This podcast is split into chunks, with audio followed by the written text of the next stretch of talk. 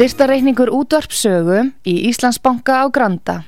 Útubú 513, höfubók 26, reikningur 2.11.11. Nánari upplýsingar á útvarpsaga.is. Takk fyrir stöðningin. Heimsmálinn í umsjón Artrúðar Kallstóttur. Fréttir og fréttatengt efni af Erlendum Vettvangi.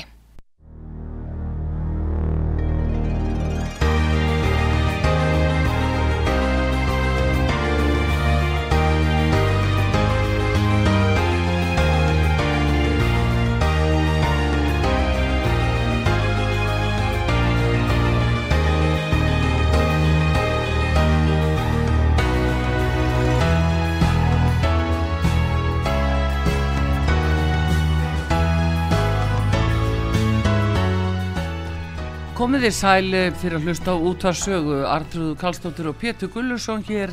Það eru heimsmáli sem eru framundan og uh, þau fjalla um Nord Stream 1 og Nord Stream 2. Er skið svo Pétur?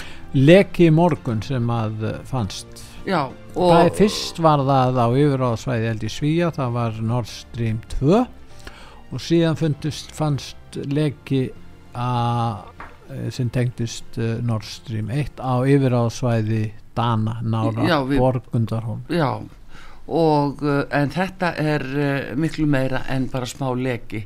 Þetta er alfarið talið vera skemdaverk og að þessi hérna þetta sé um eigðileggingu ræða. Þetta er, það er, Metti Fridriksson segir að það er ekki útiloka þetta sé skemdaverk, hún tala alltaf valega um þetta já, já, já. En uh, hvers vegna er þetta? Við vitum það ekki. Hverjir ættu svo sem að vilja eðilegja þessa leiðslu? Já já það kæmur hverjir hafa hagsmunni að því?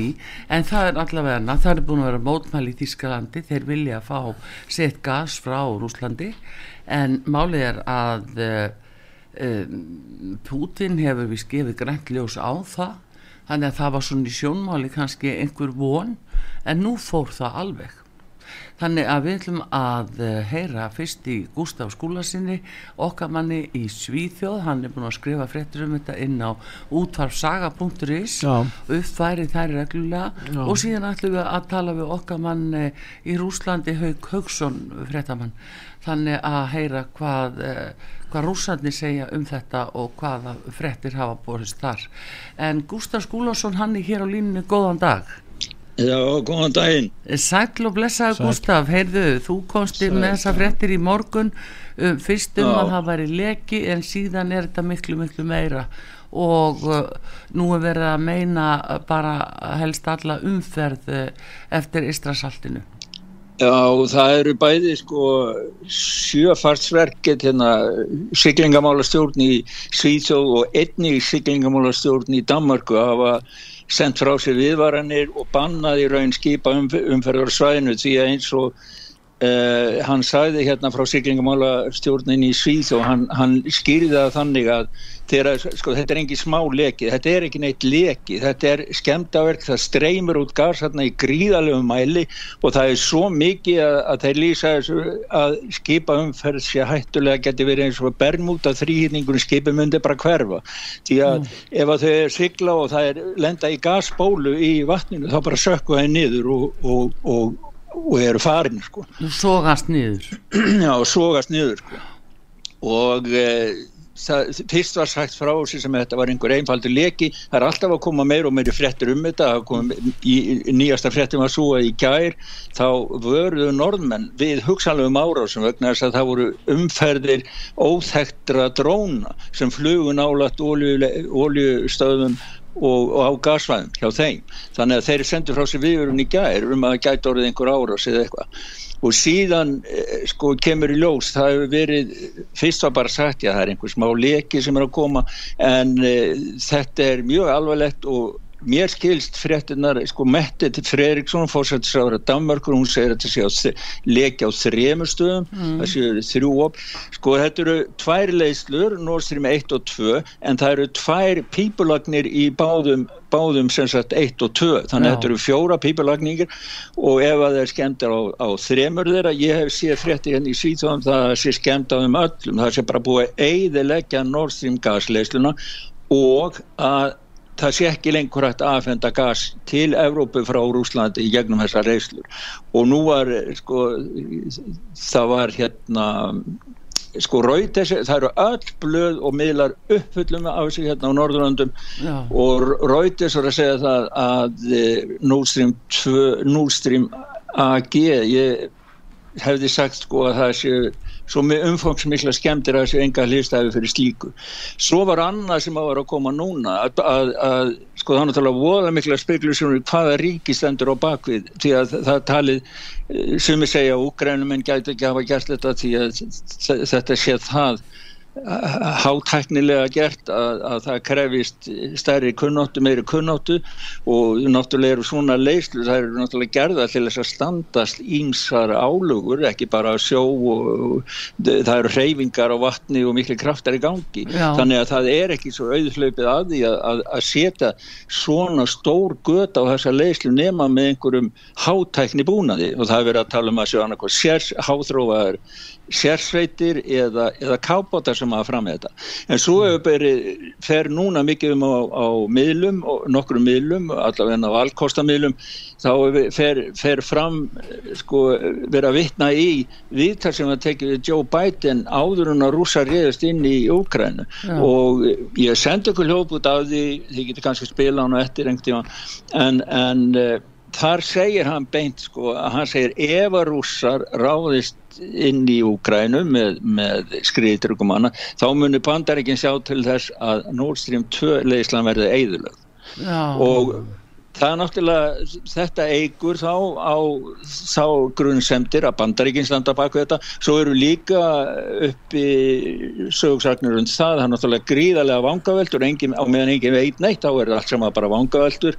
Og að, að Putin og rússar séu sjálfur að gera þetta til þess að búa til eitthvað geta kent vesturlöndum um og, og, og búið til einhver ástæði fyrir síð til að gera eitthvað annar Já, ég sé það í norskum miðlum. Þeir eru að sína myndir myndir af þessu á vídeo segja að það séu svona gasbúblur gas, sem að fossi upp úr hafinu og, og þeir segja að þetta séu rúsanir Já, þeir segja þetta séu rúsanir Sko það verður öruglega sko deilt á báða bá, báðir aðeins að benda ávikilega hver og annan og kenna hverjum öðrum um.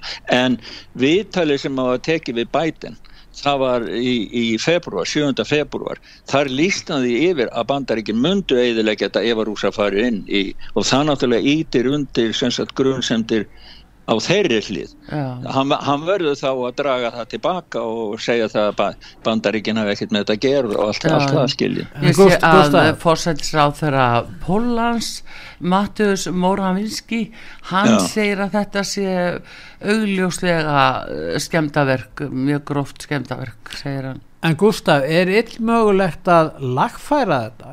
Hvernig nú er erfitt fyrir kavara og, og skip að komast að þessu til þess að reyna að lagfæra þetta? Það má, það má engin kavari fara þarna niður núna því það er bara bein döið að hætta og það meiga engin skip vera þarna vegna þess að ef það er svona mikið gas í loftinu þá getur minnsti neisti bara að setja allt í bál þannig að það er bara öllum sagt fara ekki nálat sko. það gælt að séu tíu kílometra öryggisótni kringum þetta svæði sko. Þannig að gasi verður að fara úr leiðslunni að öllu leiti áður en hægt er að lagfæra þetta. Já, já. Það verður alltaf tæmast áður en að vera hægt að fara aðna niður sko. og skipaumferð hefur verið bönnu og Já. kafarar með ekki fara aðna þannig að eh, menn eiga þar alvegndi miklu erfæra með að átta sig á því eh, hvert umfangin er nema bara það sem sjá í hafinu. Eitt, eitt vitum við að þetta er framhaldið af Ukrænistríðinu, þetta tengist því að sjálfsögðu. Það liggur í öfum uppi. já.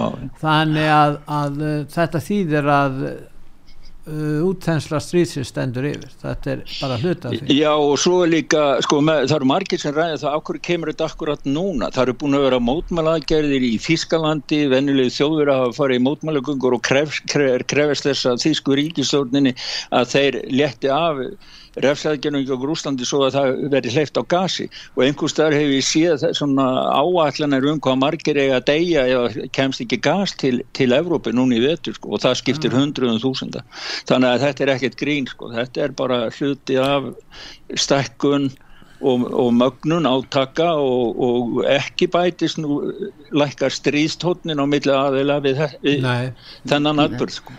Nei, en það er líka hérna að það sem við sjáum uh, er að uh, það er einhverjir hagsmunir og eins og segið það voru mótmál í Þýskalandi.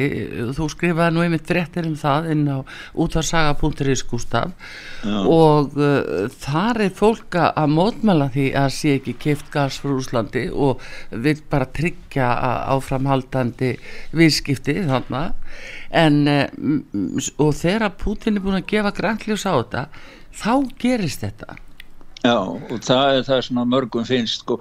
hva, hva, hverjar svo sem ástæðunar eru þá Já. er ljóstmál á útkomin úr, úr því sem að gerðist í, í nótti eða hvernig sem þetta gerðist er svo að það búið eidilegja möguleika á afhendingu og gasi frá Rúsland til Európu. Það er búið, já, það er búið ja. eiginlega leysluna. Það er enginn sem veit hvað þetta er stórt, það tekur ábyggilega mánu eða bila ár að, að geta lagfært svona lag. Þetta er bara, þær eru bara ónýtt, er búið að stöðva þennan möguleika og það setur Evrópu í mjög, mjög, sko það setur ástandi allt annað ljós. Já.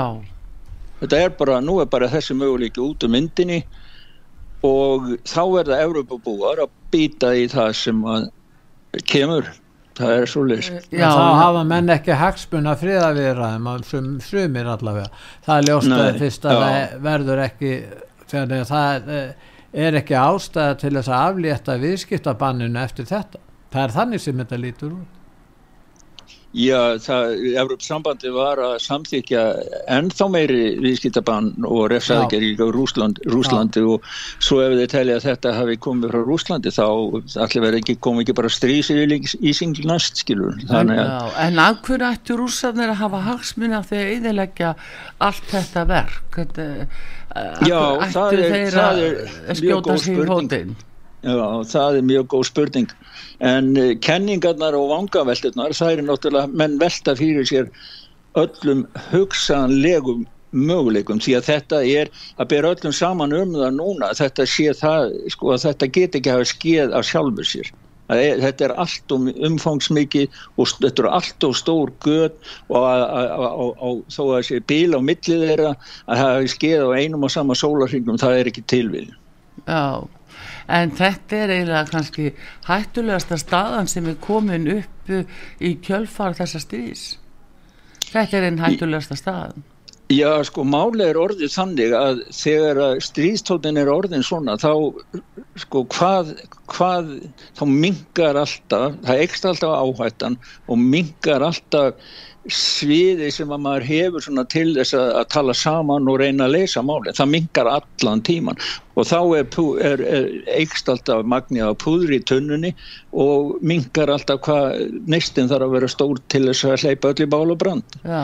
og eh, maður náttúrulega bara byrði til aðri mátta um það að þetta gera það ekki en öll þróunin er einhvern megin á leiðinni í bara sprengju púðu tunnu. Já, en nú sjáum við að þetta er sem sagt í Eistrasalti þetta er innan danskra lögsugu og sænskra, og sænskra hvað þýðir þetta hugsalega fyrir lífriki sjáar og, og náttúrulega fiskin allan se, segðu, það, hvað það er, þýðir það, þetta fyrir fiskin Já, það er ekki eins og byrja, sko, fólk er, ekki, fólk er bara að, að ranka við að þetta hafi gert og það er ekki eins og komið til talsend þá hverjar aflingar þannig að þessu geta orði sko. það er all lífrikið þannig hættu ef þetta er svona Já.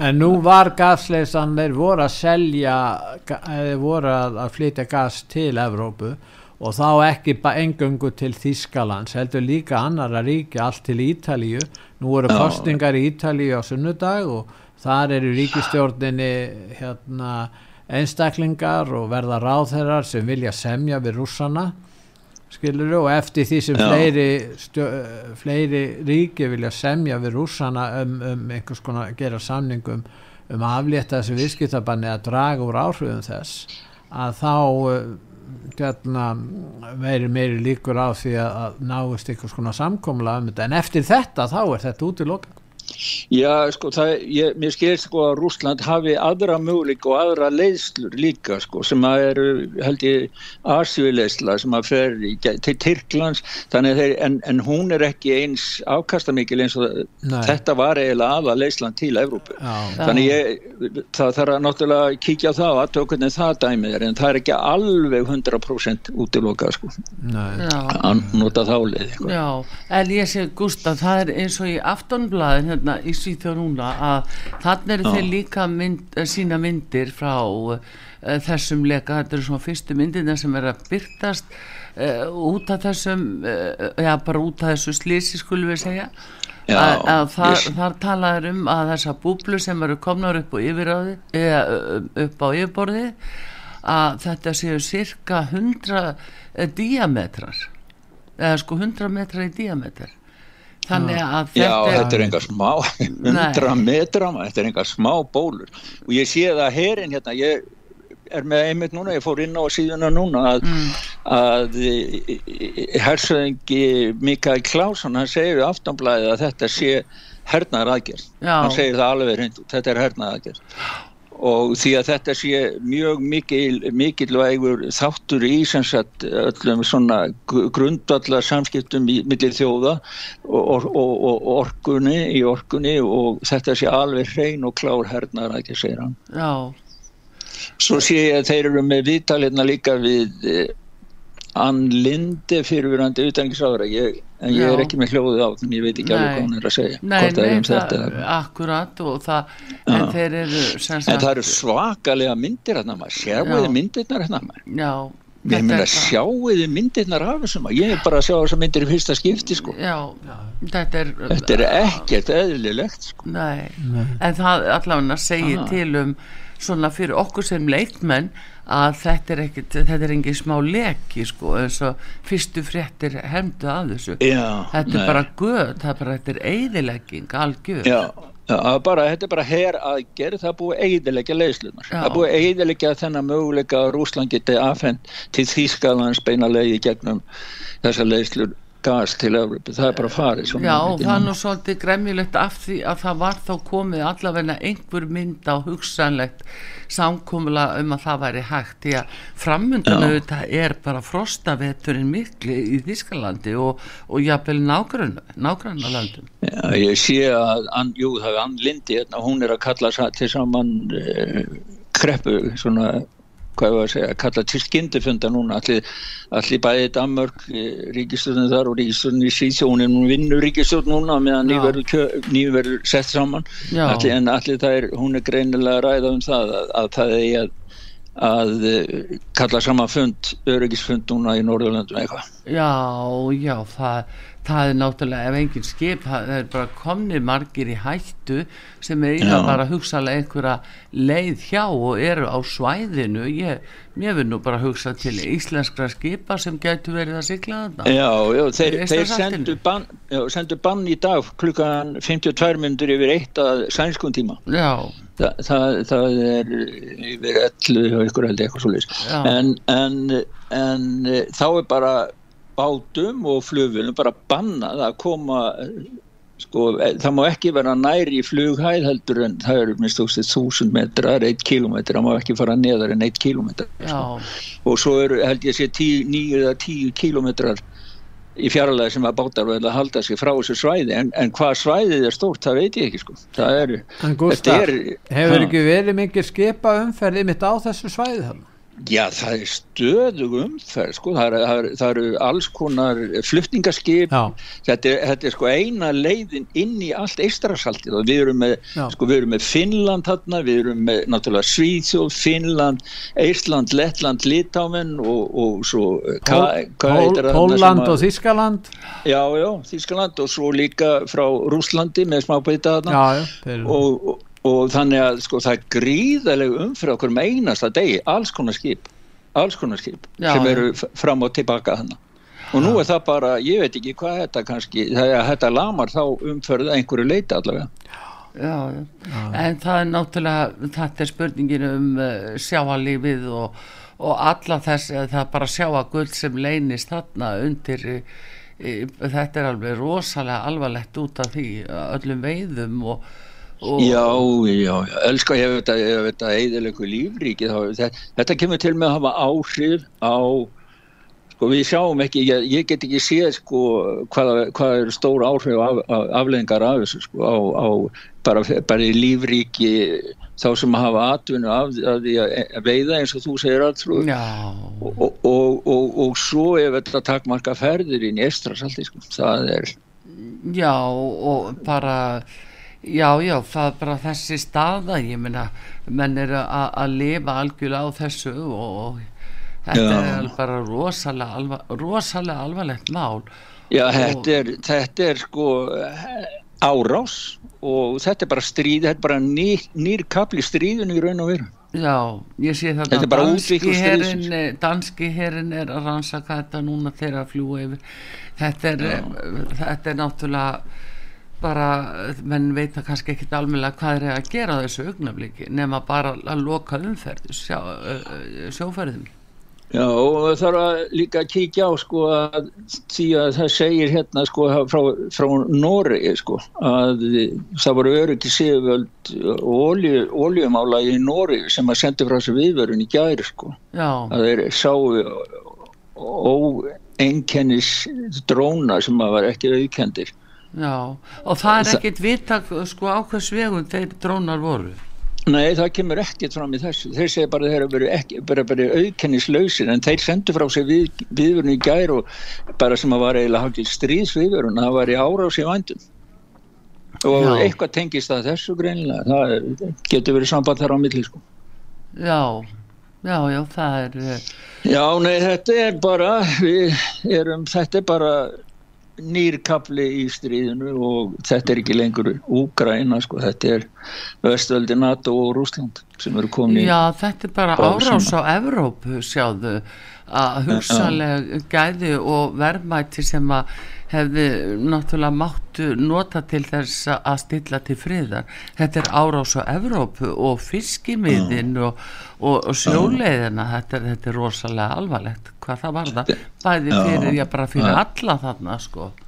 Já, þetta er, þetta er svakalegt og sérstaklega líka því það er að koma vetur og kuldi sko. Já. það verða margir sem að fara illa út af þessi vetur og það við já við verðum bara að sjá hvað, Segðu mér rétt Gústa, hafa svíjar verið að kaupa mm, hérna, uh, gas og olju frá Rúslandi? Eh, það var ég, það sem ég frétt um slíkt það var eh, að það voru hafnaverkamenn sem voru í verka allir að lagða einhver gasbátur með hvort það var fljótandi gas eða hvernig gas það var. Jú, ég veit ekki hvort það var frá jú ég held að það voru rústins gas já. Já, sem átt að leggja hérna í Stokkólmið þá neituðu þeir að, að vinna með skipið. Já. að, að, já, og eh, eftir að stríði hóst já, já, eftir að stríða hós þetta var það hefur maður frétt það þannig að það eru greinlega einhver viðskipti við Rúsland en uh, það fer ekki dúalega mikið fyrir þeim í fjölminum hérna allavega Nei, Nei. nei. En það voru samt sko danski herin þeir voru á F-16 flugvilum að fara yfir af því Já. þá var í gær sko mánudag þá voru að byrja að koma fréttir að það geti verið grunur sjást einhver ummerki uh, þess efnis að þarna væri eitthvað óæðilegt í kringum Nord Stream eh, bæði 1 og 2 já, og, og þannig að þá kemur þetta bara í ljós í morgun hversu svakalega alvarlegt þetta er.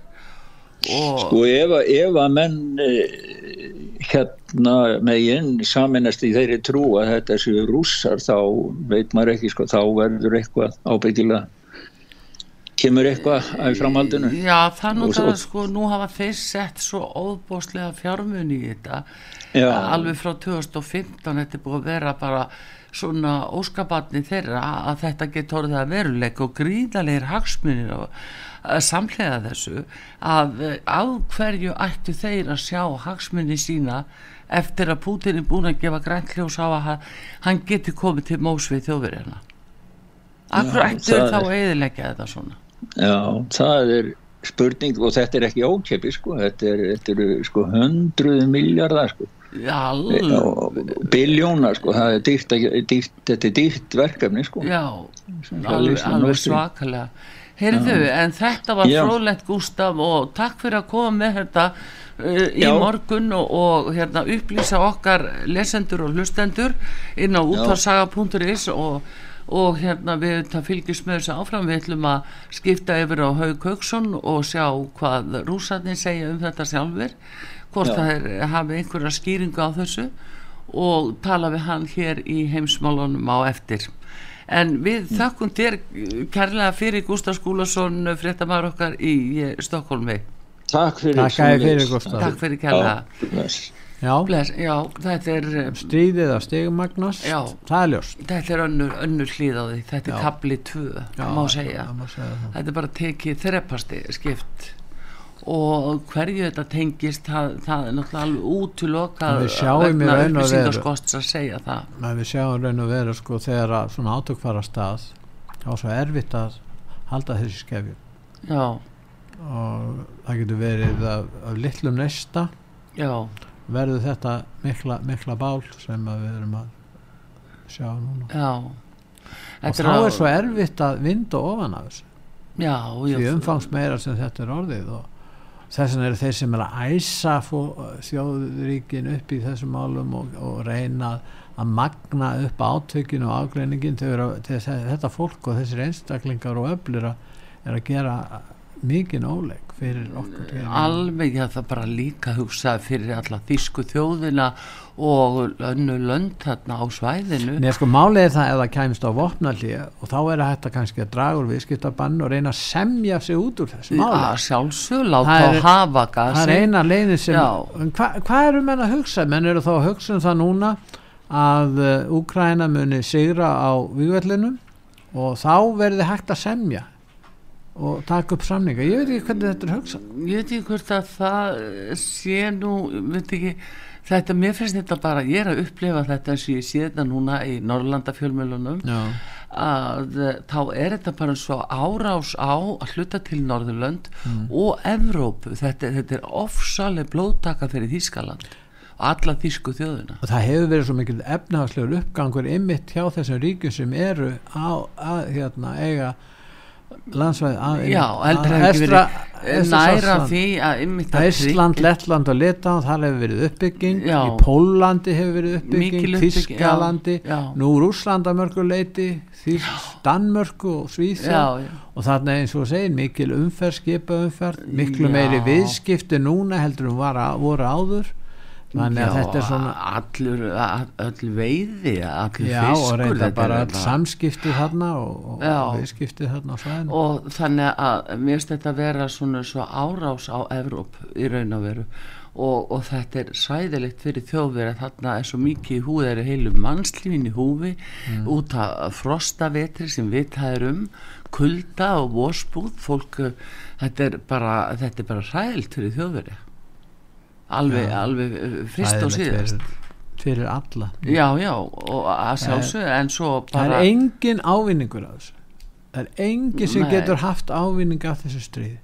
Engin Nei þarna hefði hugsalega verið hægt að, að, að ná uh, að, að stilla til friða með þessu. Þetta var kannski friðartæki sem var uh, möguleiki það voru einmitt, var Nord Stream 1 og Nord Stream 2 það er oft gert lítið úr, úr stjórnmálamönnum sem er sína góðan friðarvilja.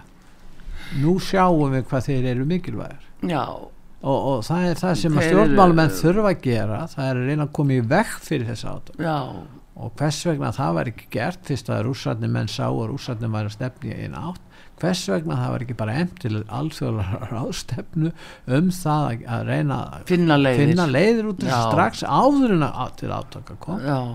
en Já og svo líka það, er, það hefur ekki verið eh, sko eh, það hefur ekki verið sínilegu neitt friðavilji neinstadar eftir þetta hófst Nei, í sko, februar það er spurningum friðavilja spurningum aðferðafræði í þessu Mm. líka og, og hvernig sko, ef, menn er, ef, ef stríðið er að stigmagnast þá minka líkurnar á því að það verði farið í friðaviðra já, Já, það er nokkuð, nokkuð ljóst. Já Þar til að annar aðileg gefst upp.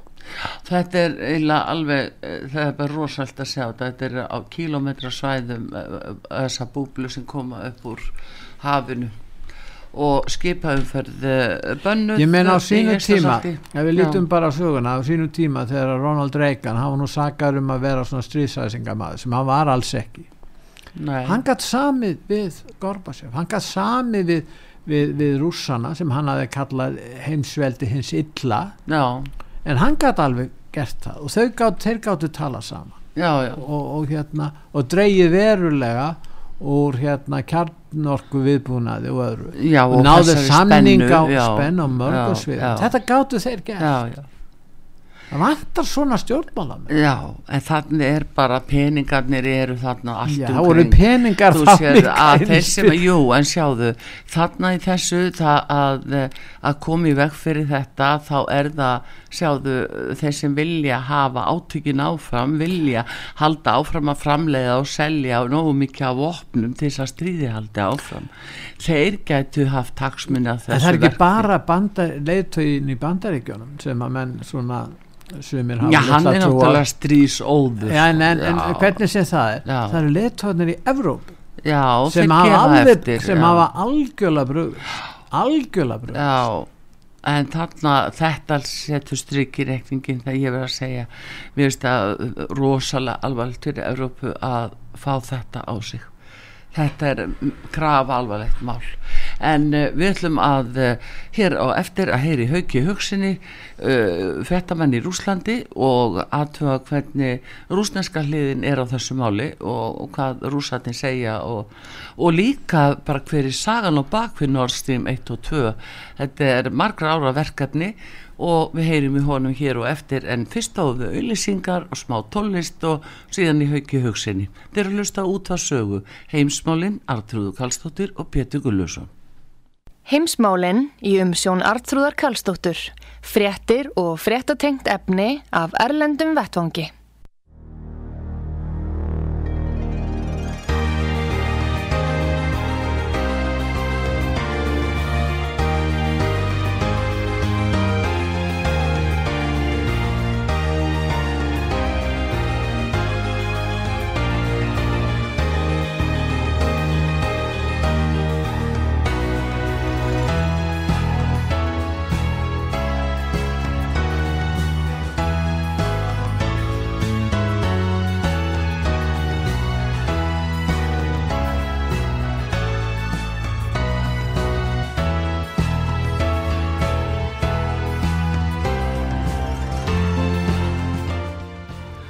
Komið þið sæli fyrir að hlusta á heimsmálinu og útvarpi sögu.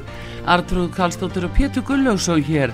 Við erum að fjalla um uh, uh, stórfælt uh, skemmtaverk sem að var framið á Nord Stream 1 og 2 gasleislu frá uh, Rúslandi sem að uh, liggur meistarsalt uh, og uh, í land í Þískalandi uh, nú skemmtaverki hefur þau, áhrif að það búið banna skipaumferð á svæðinu, kafara fá ekki að fara niður og þetta er inn í danskri og sænskri lögsögu.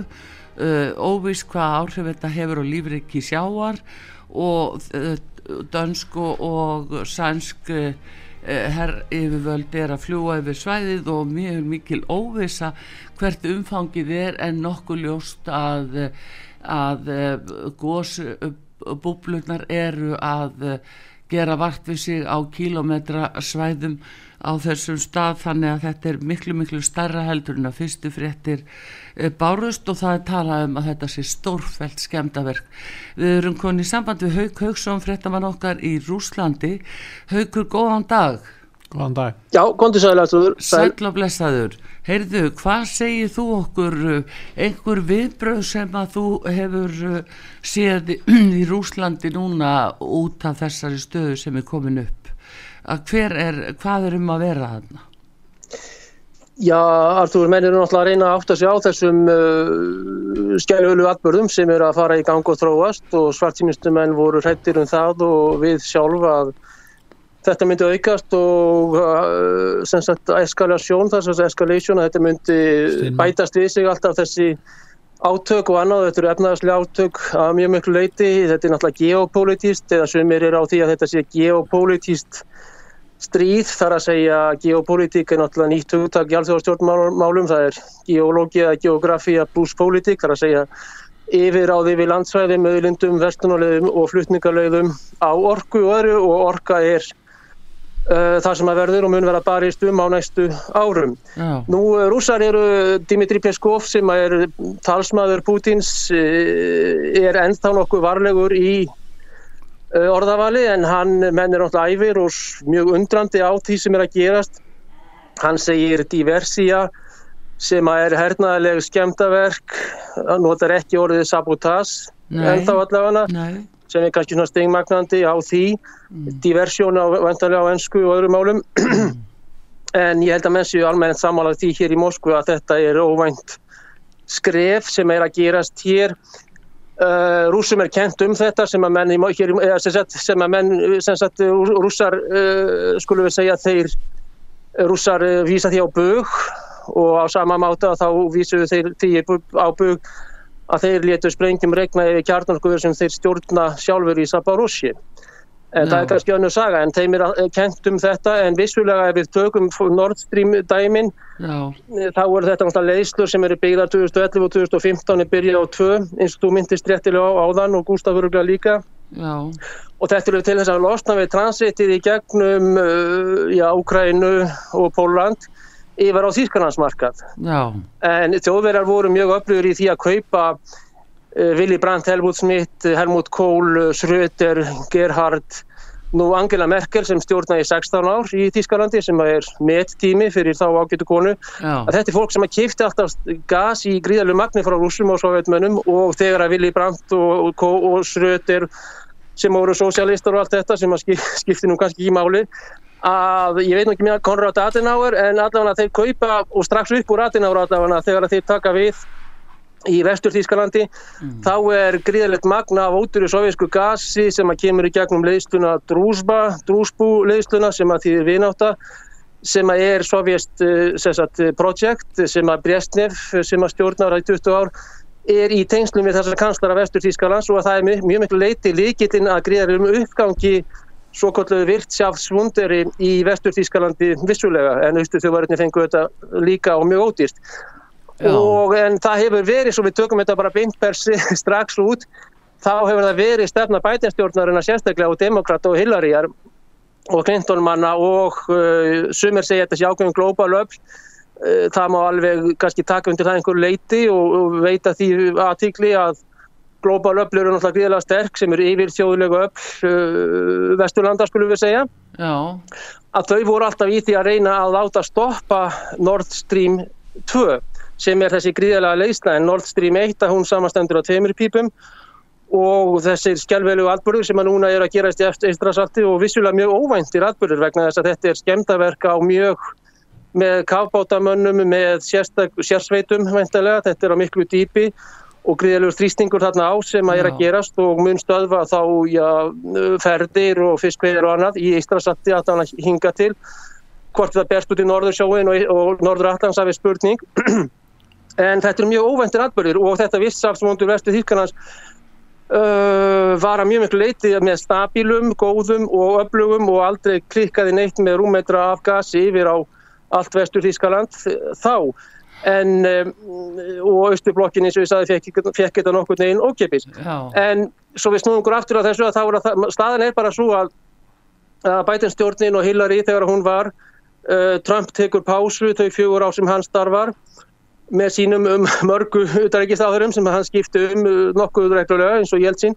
Að það var reyndar fórsetisráðurar hans. En það er það að uh, þau réðu og hafa róið að því öllum árum og gert allt til þess að stoppa Nord Stream 2 já, Nú, það var þarna þegar hún var í byggingu og hún er tilbúin. En uh, þrýstingurinn hann, hefur fallið gríðarlega að, og hún var tilbúin til nótkunnar og um, Anne Lene Berbok og Habeck sem að eru auðarreikistráður og efnarsmálar á þeirra uh, Þýskalands Habeck nú reyndar klímasjútsminister, það er að segja í klíma... Já, loftlagsmálunum.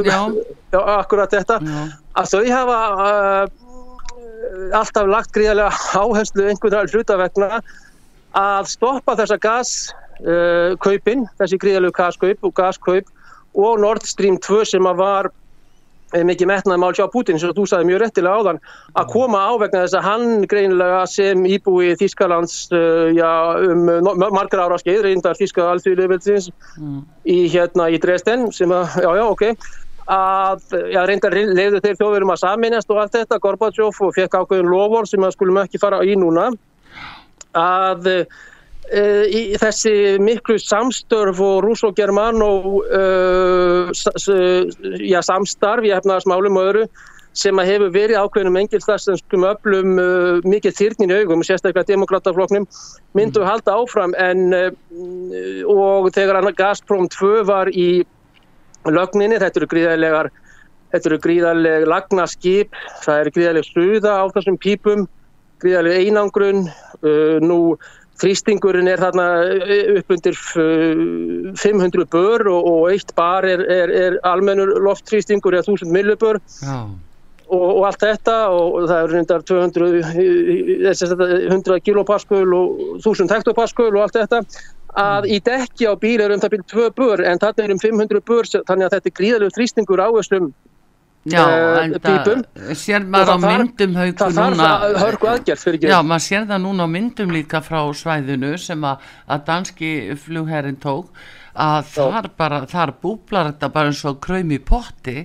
Það, þú veist bara Já, vatn við söðu þannig að það Já og ein loftbóla eins og, eins og hérna hann Gustaf sagði að hún er mm. uh, í uh, rúmmetran er, er, er 100 metrar, það er eitt fókbóltaföldu þannig að radíusin er 50 metrar og ummáluð þegar diametrin er 100 metrar á loftbólu. Ímyndaðu þeir loftbólu sem er 100 metra á alla kanta, það er eitt, eitt fókbóltaföldur 100 metra hlaupið fyrir eftir einum fókbóltaföldi, skilur þannig að þetta er gríðalegt samansapna af ótrúleuri orku. Mm og já, þetta er skjálfileg, þetta er ótrúlega ræðbúrið sem er að gera sem við erum að vera vittni af ártrúðum. Já, en segð mér eitt hérna í sambandi við uh, þessa uh, gasleistu, nú veitum við það er Nord Stream 1 sem var, jú, fyrst síðan kemur Nord Stream 2 og það er hvað já. 2015, það eru 7 ár sem er búið að taka að byggja þetta en hérna uh, Schröter, hann er búin að vera vinna að þessu sko eða fyrir hönd þjóðverið að semst með rússonum Nei, fyrir,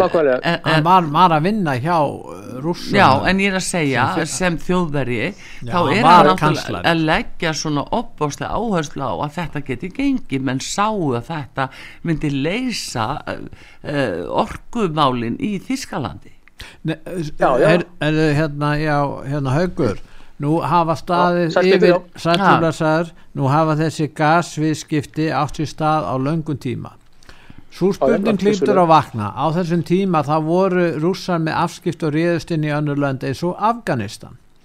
Þrátt fyrir innrásir og afskipti rússa, kannski Tjekkland 68 og svo Afganistan setna, þá hættu ekki þessi gasviðskipti á milli rússa og, og, og þjóðverja þrátt fyrir það að rússar væri að ráðast inn í önnur lönd eins og til dæms Afganistan.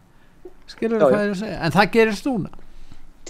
Þetta er alveg rétt að það voru engin viðskipt að bönni að þvinganir þegar að fyrstir 1954 oktober, svo 68 í 19. til 21. ágást er innráð sovjetmanna eh, í uh, Tjekkoslovaki, svo 79 í desember er innráð sovjetmanna í ja. Afganistan og þarna er náttúrulega Brestne, ja, Krúsjóf og Brestnef síðan við völdu á þessum árum en þarna voru engin viðskipt að þvinganir frá vestu Þískanandi til dæmis Það var ekki minnst á það ekki minnst á slíkt og þeir keiftu og keiftu gasi og það voru byggðar og byggðar þessa línur og, og þær eru gegnum Úkrænu sem að síðan alltaf uh, fær sjálfstæði og koma við ímsileitor og mjög mismundi menn og personur og leikandur en það, þess vegna er þessi leiðslur byggðar eftir frá finskaflóa frá uh, þarna Galísina sem satt í Finskaflóa og yfir á Græfsvald í austurparti Þískaland þannig að inn á allt Þískaland þannig að það er verið að fara fram hjá transitinu í gegnum uh, eða fram hjá leislunum það var mikið stólið og hækkaði verðið og minkaði pípum sérstaklega ákvæðanum einu eitthvað gegnum Póland Svo var þetta í gegnum Tjekkoslovaki, Ungveriland líka yfir á Vestur-Európu. Þetta eru gríðarlega leislur ofan í jörðinu. Þetta er heitt æðarkerfi ofan í jörðinu og ofan í sjónum líka, já, miklu dýpi og undir miklu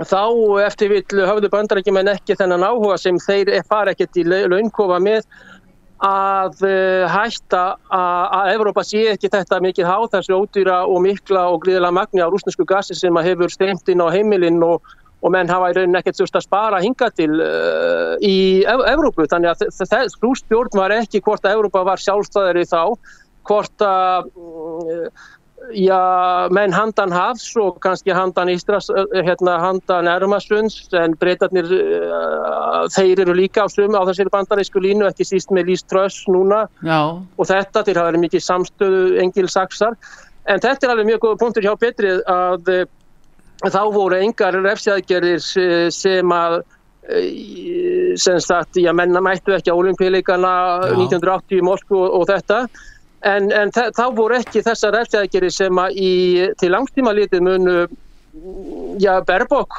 Anni Lene Berbok að hún viðurkenn það reynd út að þýskur efnahagur muni verða í mikilli læð og gríðaleg vandræði. Fyrirtækinu eru þegar farin að loka í já, Þískalandi og mörgum öðrum Európaríkjum út af þessari stefnu sem að er já, sem er segja hún sé innflutt ákveðin leiti til Evrópu að, og þá er það vegna þess að græningar Þískalands eru mjög Washington fylgisbakur flokkur og sérstaklega kakka demokrata Uh, fólkinu sem ræður núna þar að segja þegar Hillary var og núna þegar Biden, Biden var, var að fósetti, Biden er núna fósetti nú svo náttúrulega er hérna Kamila með Kamilu spurning og allt þetta en, en það, það er kannski líka svolítið skrítin stefna uh, á þeirri deindustrialisjón sem sagt það er að segja að Þískala eða Þískaland sem eimreið og sterkast í Uh, landið og næstæst sem sagt uh, með 82 miljónir og, og fyrrvaksandi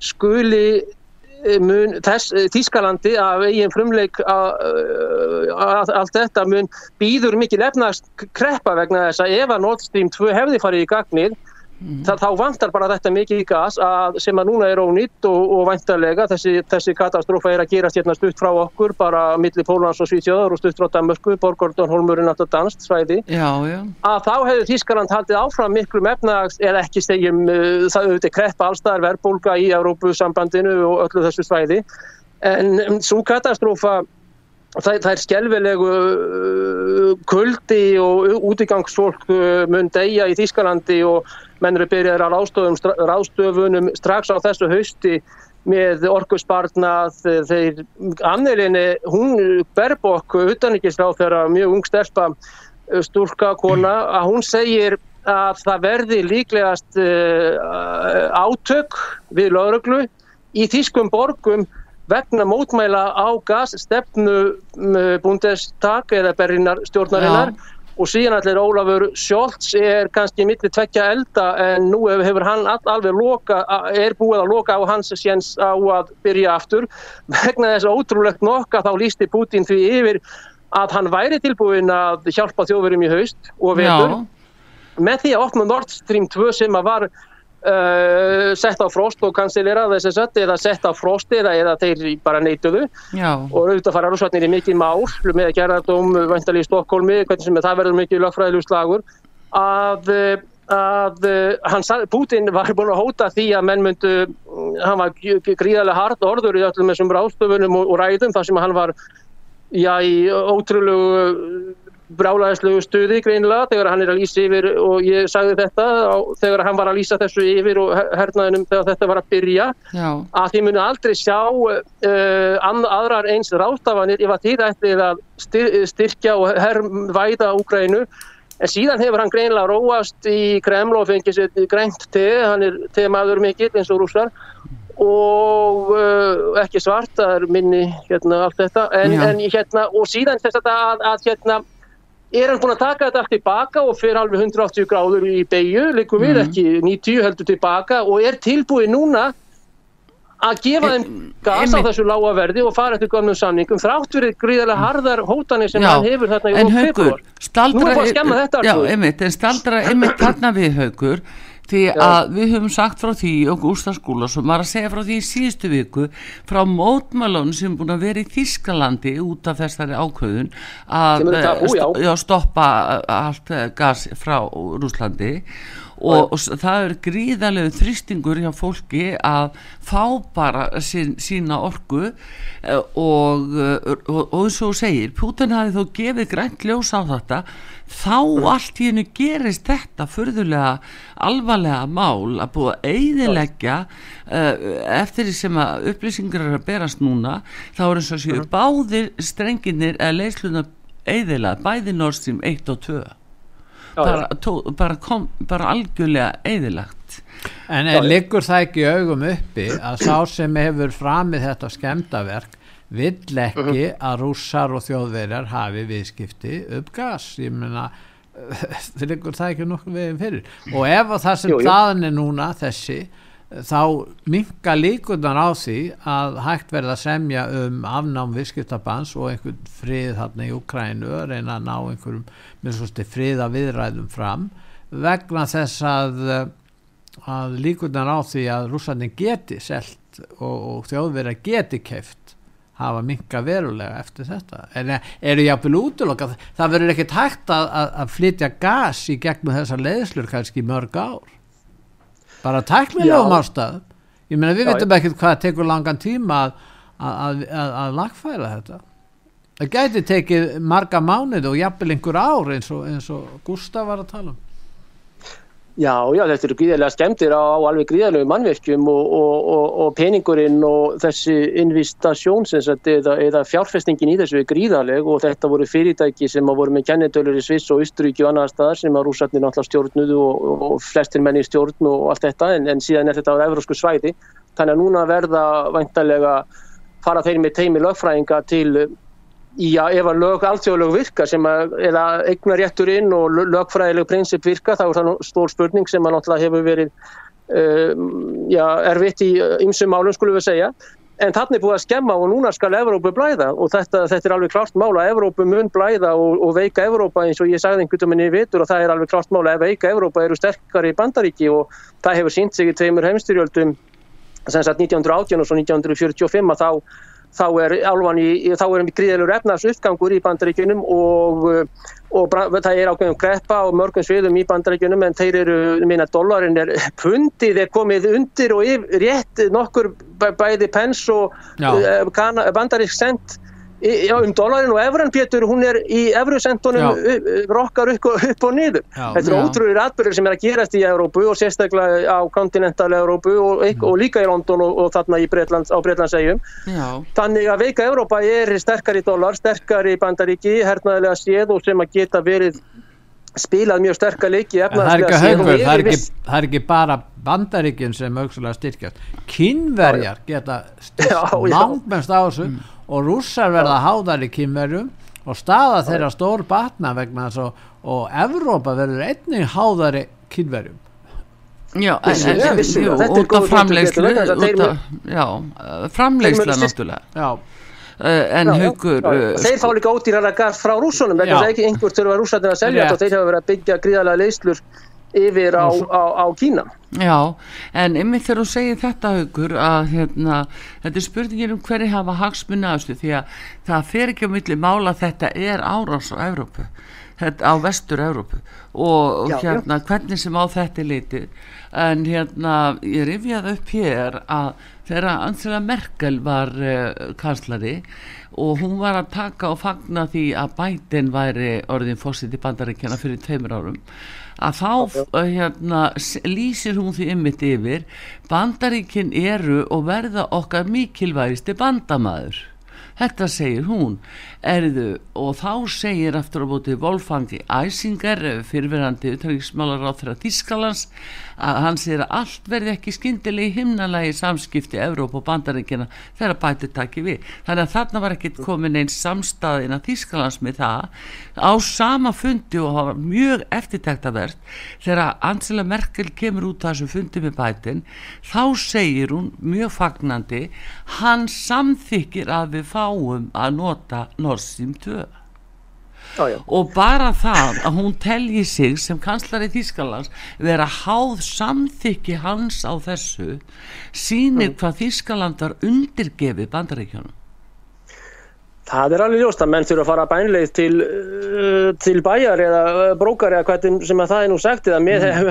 höndun að útrétta í betli uh, sem sagt stellingu og ekki á njánum kannski að vísu en það er mjög merkilegt eins og þú ert að segja mjög réttilega með merkið langilu að hún þarf að fara bænleið til Washingtons og byggja um þriðja aðila um leifi til að vestla við skulum við segja nokkur neginn nákvæmnaríki, þetta gríðilega stóru land sem er hérna austanfrá sko, þetta var fyrir tveimur árum það, það er mjög merkilegt og ótrúlegt. Já, þetta var fyrir tveimur árum.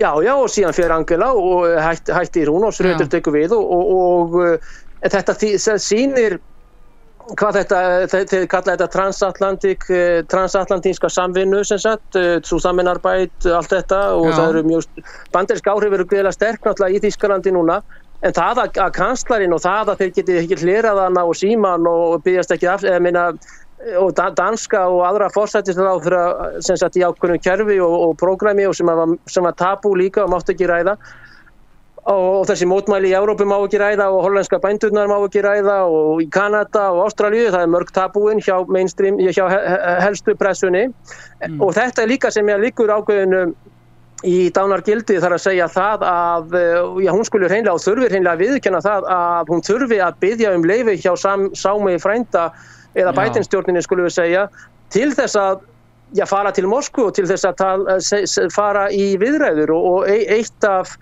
eitt af um, því sem að hérna, Viktor Orbán er svona ofinsætt hjá, hjá Brussel uh, sem sagt fólkinu og elitinni þar og stjórninni þar. Það er vegna þess að hann fer til uh, hann sendir Peter Sijarto sinn auðvitaðsráþara, ungur og refilur maður til Moskvu í viðræður þar sem að þeir gera 12 ára samning á gasi upp á 350 dollara uh, 1000 kúbometra kíló uh, kúbometra Uh, 12 ár fram í tíman til 2036 eða maður rétt. Þannig að þetta er eitt af þeim sjálfstæðis það er kannski 1.50 af, af markasverðinu sem þeir borga fyrir þetta. Já það er komið við 3000 það er komið 2800-3000 kíló kúbometri nafn gasi það er eitt tíundi af markasverðinu en ungverðinir hafa hafa hérna styrt sig með þessu og, og Gazprom mun senda þetta næstu 12 ár til Budapest og Já. til uh, En hvernig, hvernig senda er það til Ungverðarlands? Hvaða leiðslur eru notaðir í það? Veistu það? Það eru þessar gamlu soviðsku leiðslur inn á Östur-Európu sem að Þannig að ítalarnir geta keft frá ef að nýja stjórnir vil semja við eins og Ungverðarnir að semja við Já. rússana þá gætu nota þær gasleiðslur til Ítalíu Já, í rauninni þá þarf það að fara í gegnum uh, Austuríki og uh, eða, eða Norður Júkoslavi, þannig gegnum Sloveni og, og það, það svæði Það getur verið að Ítalir verða að gera þetta að bjarga sínum efnahag því að efnahagur Ítali er í rúst Já, ef að nýja hægristjórnin á Ítalíu ætlar að, sem að þeir geta, maður væru eflaust mjög til í það að senda, já, fyrst úr sínu sendiráði í Moskvu eða sendinem frá Róm til Moskvu í viðræður og þá gætu þeir, já, eftirvill og ég held að rússarnir sé á þeim buksunum að, en alltaf segja Brussel, Brussel fólk og, og hérna hún der Leyen að þeir sé að setja fleig í samstarf Ég held að þeir séu svona í separat uh, samningavirðan við, ekkert endur að separat vegna þess að aðskildum vegna þess að þeir uh, sæmja þá bara við viðkomandi stjórnvöld.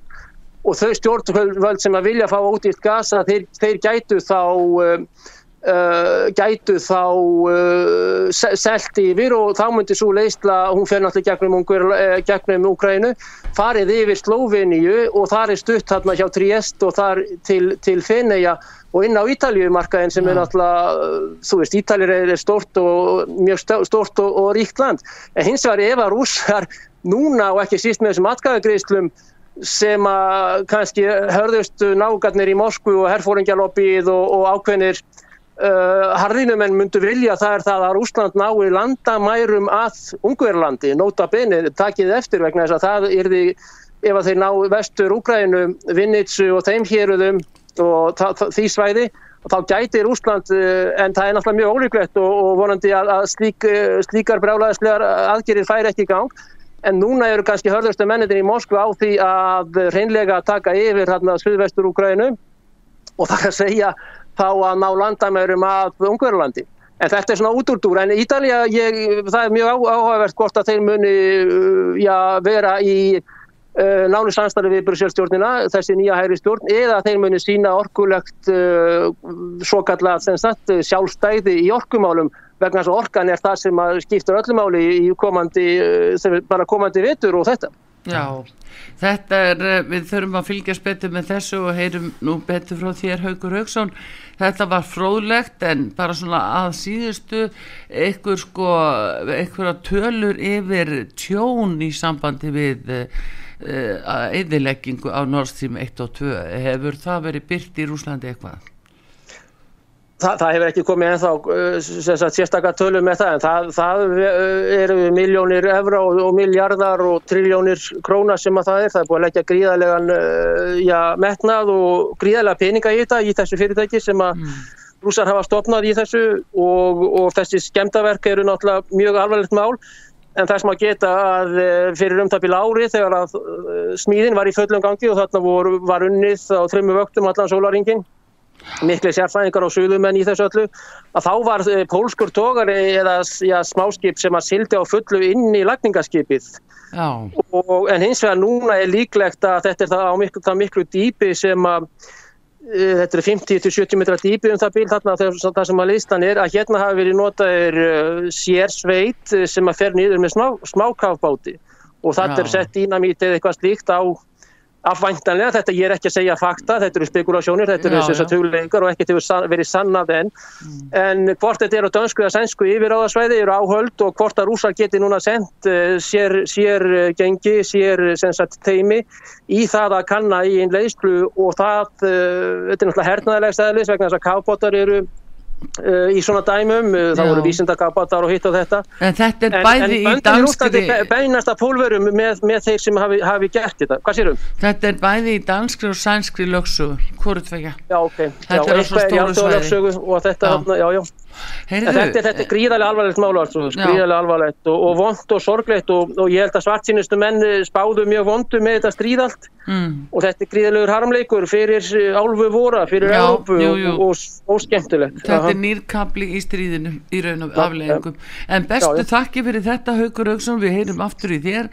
og takk uh, bara takk fyrir að upplýsa okkur um Takk fyrir Haugur og við þakkum Hauki Haugsinni fréttamanni í Moskvu fyrir þetta. Artur Kallstóttur og Pítur Gullusson þakka fyrir sig í heimsmálunum í dag.